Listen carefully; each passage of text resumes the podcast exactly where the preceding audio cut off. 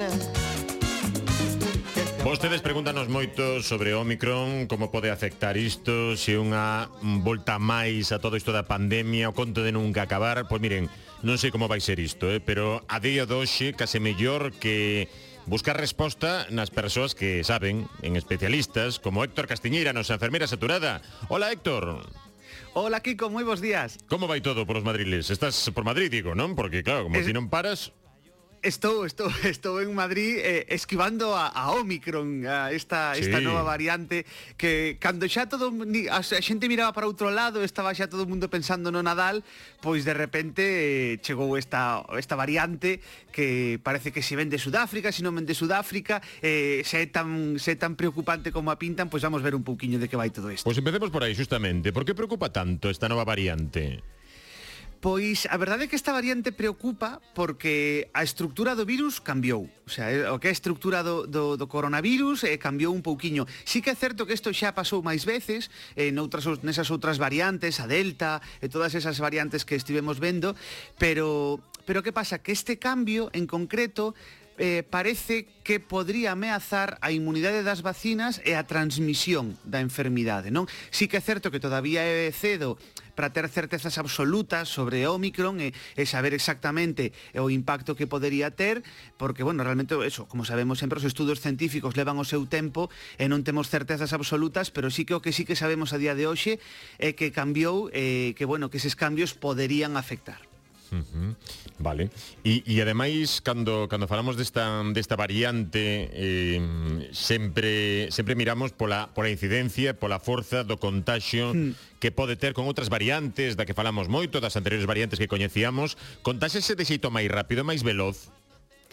Pois, a ver, realmente co, cos estudios que temos eh, a día de hoxe, que como che digo son, son moi limitados, pero sí parece que, que sí é máis contagiosa, o sea, sí que eh, contagiaríase máis rápido que as outras variantes. Hai algún incluso, algún estudo científico, a mí parece un pouquiño cedo todavía, pero algún, algún científico xa di que incluso é 500 veces máis contagiosa que, que as outras variantes. A min pareceme un pouquiño, eh, un pouquiño pronto para asegurar isto, pero bueno, xa hai quen o di, pero sí que é certo que, que parece todo apunta a que sí que se transmite máis rápido dunha persoa a outra. Pero, ollo, temos que ter cuidado con isto, porque que se transmita máis rápido non quere decir que sexa máis virulento. Claro, Explícome. esa é outra parte, non? Eh, eh claro. Pode contagiarse moito, pero se ten menos forza, pois pues, tampouco pasa nada ou non teríamos motivos polos que está. preocuparnos. E como é esa Ahí virulencia? Está pois é que esa violencia polo que estamos vendo realmente non é tan preocupante como como se parece que se decía nun momento, non? Realmente eses síntomas, eses síntomas que provoca son moi similares aos, aos que xa coñecemos, e sí que é certo que que nos casos que temos de Omicron, eh polo que se está vendo, non hai nin perda de gusto, nin perda de olfato, que era algo como moi característico, non? Uh -huh. De repente ibas comer e dicías, "Ui, isto non me saba nada, isto non me ula nada, a ver se vou ter coronavirus", non? Bueno, pois ese síntoma parece que non está presente presente. Sí que teríamos dor muscular, cansancio, fatiga, cefalea, o que ven sendo un luz pola mañá. Non? Exacto, eso, o que lle chamamos menos, en Galicia luns pola mañá. Eso mesmo. O pois ventres pues eso que botellón para que serían... universitario en Santiago. tamén. Pois sí que serían eses síntomas máis característicos, non, desta desta variante Omicron, pero ollo porque sí que eh, ali nos países onde xa está moi presente non se está vendo que estén aumentando as as hospitalizacións. A xente que ten Omicron, a maior parte está na casa, ou seja, que realmente sí parece que se transmite máis rápido, pero non eh, parece que sexa máis virulenta. Uh -huh. E como podes saber se teño Omicron? Ten síntomas, bueno, xa nos dicías algúns deles, non? Pero polo que vexo, se non hai un análise, unha analítica Sudáfrica, un non pode saber se ten esta variante.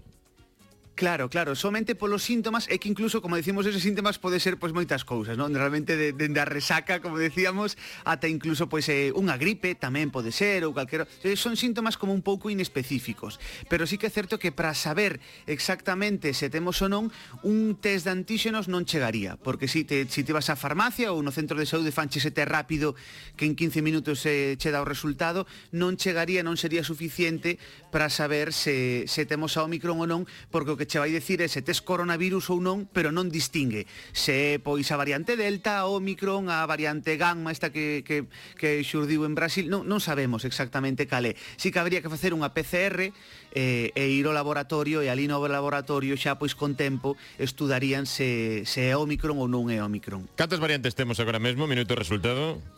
Pois, a ver, eh, hai moitas, pero sí que é certo hai máis das que saen normalmente nos medios de comunicación, pero que pasa que as que saen nos medios son as que eh, son consideradas variante preocupante, non? A que a OMS estudia todas esas variantes, eh, a Organización Mundial da Saúde, e cando unha variante parece especialmente preocupante, como é o caso desta, pois o que fai é que ponlle ese apelido de variante preocupante, non? Nese listado de variantes preocupantes temos a alfa, que foi esa que se detectou por primeira vez en Reino Unido, temos a beta, que foi a, a tamén unha detectada en Sudáfrica en, en maio de 2020, temos a gamma, que esa foi detectada por primeira vez en Brasil, a Delta, que era famosa aquela de, da India, e agora a Omicron. Eh, xa ves que temos a, sí, sí. a familia dos Vengadores o completo. Variante preocupante parece como título de, de Mortadelo y Filemón, eh?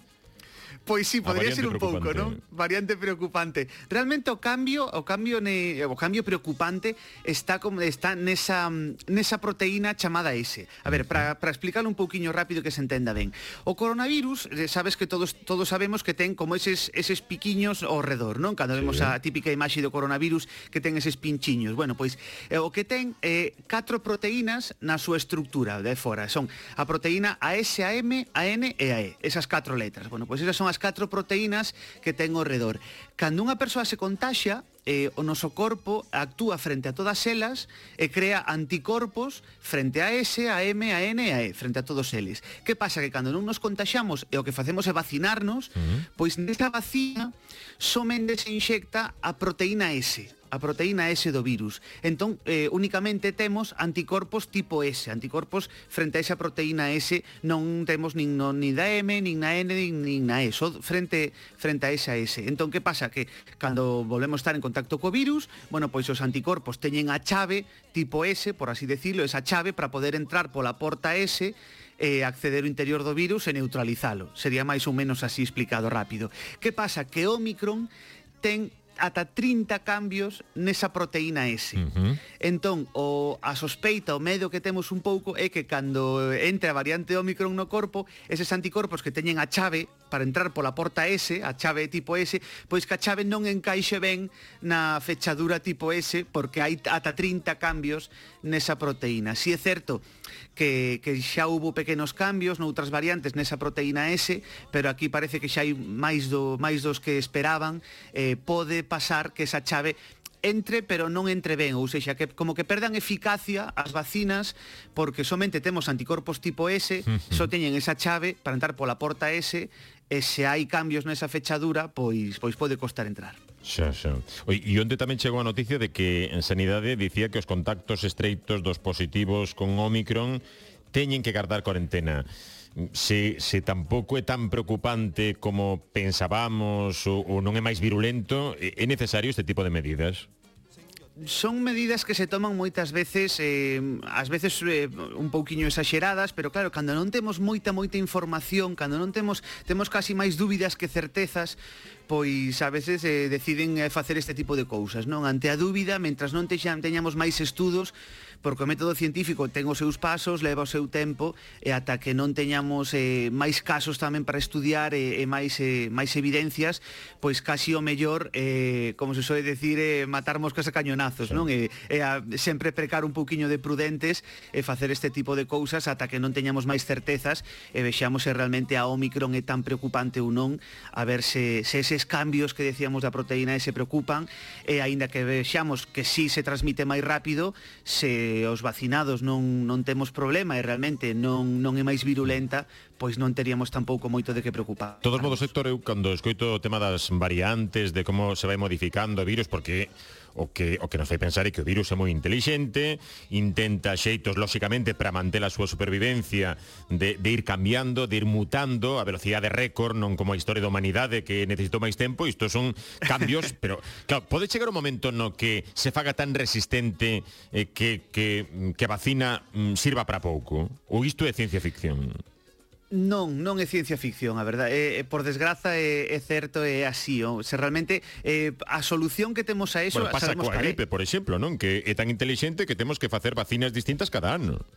Claro, porque vai cambiando. Realmente eh, a solución para eso eh, sabemos calé. O que pase que non a estamos facendo. A solución para eso sería vacinar neses países onde a vacinación non chega nin o 10% sí, da sí, poboación sí, sí. porque non as teñen, porque non poden mercar vacinas porque non as teñen. Como podemos Realmente... ser tan hipócritas? Eu non son científico, xa. pero tampouco fai falla ser moi inteligente como para saber neste mundo globalizado como non teñamos todos, todas un nivel alto de, de, de inmunidade, isto é imparable é que é que é así, se non se non salimos, se non nos vacinamos non salimos todos, o sea, xa realmente é así, non? Entón de pouco nos serve ten unha taxa de vacinación eh, pois no noso país, mirar somente o, o ombrigo e mirar, ah, pois aquí temos unha taxa de vacinación casi do 100%, que ben. Sí, claro, pero é que eh, a moi poucos quilómetros ali enfrente hai un país onde a taxa de vacinación é do menos de 12%, porque non teñen vacinas, non? En tin, non as acapares, repárteas, dallas para que se poidan vacinar, porque senón que vai pasar que o virus vai mutar ali, vai mutar neses países, o virus cada vez que infecta unha persoa nova, ten novas posibilidades de, de mutar e de cambiar e de ter novas variantes. As variantes créanse cada vez que vai infectando a persoas novas. Entón, se lle deixamos eh, poboacións, grupos moi grandes de poboacións onde non hai xente vacinada, ten moitas posibilidades de ter novas variantes. E esas variantes, aínda que nos parezca que ese país está moi lonxe, non o está tanto. En un mundo globalizado, como dis, pois é doado que acabe chegando aquí e que nos afecte e que haxa un algún día unha variante seria hmm. e que as vacinas non sirvan para nada. O cal demostra que a historia da humanidade, esa pelexa continua e cos virus imola gañando, pero grazas á ciencia, grazas á ciencia, a investigación, a todas as persoas que están traballando como para que agora nos haya alguén por un lado e nos diga que non quere poñer a vacina.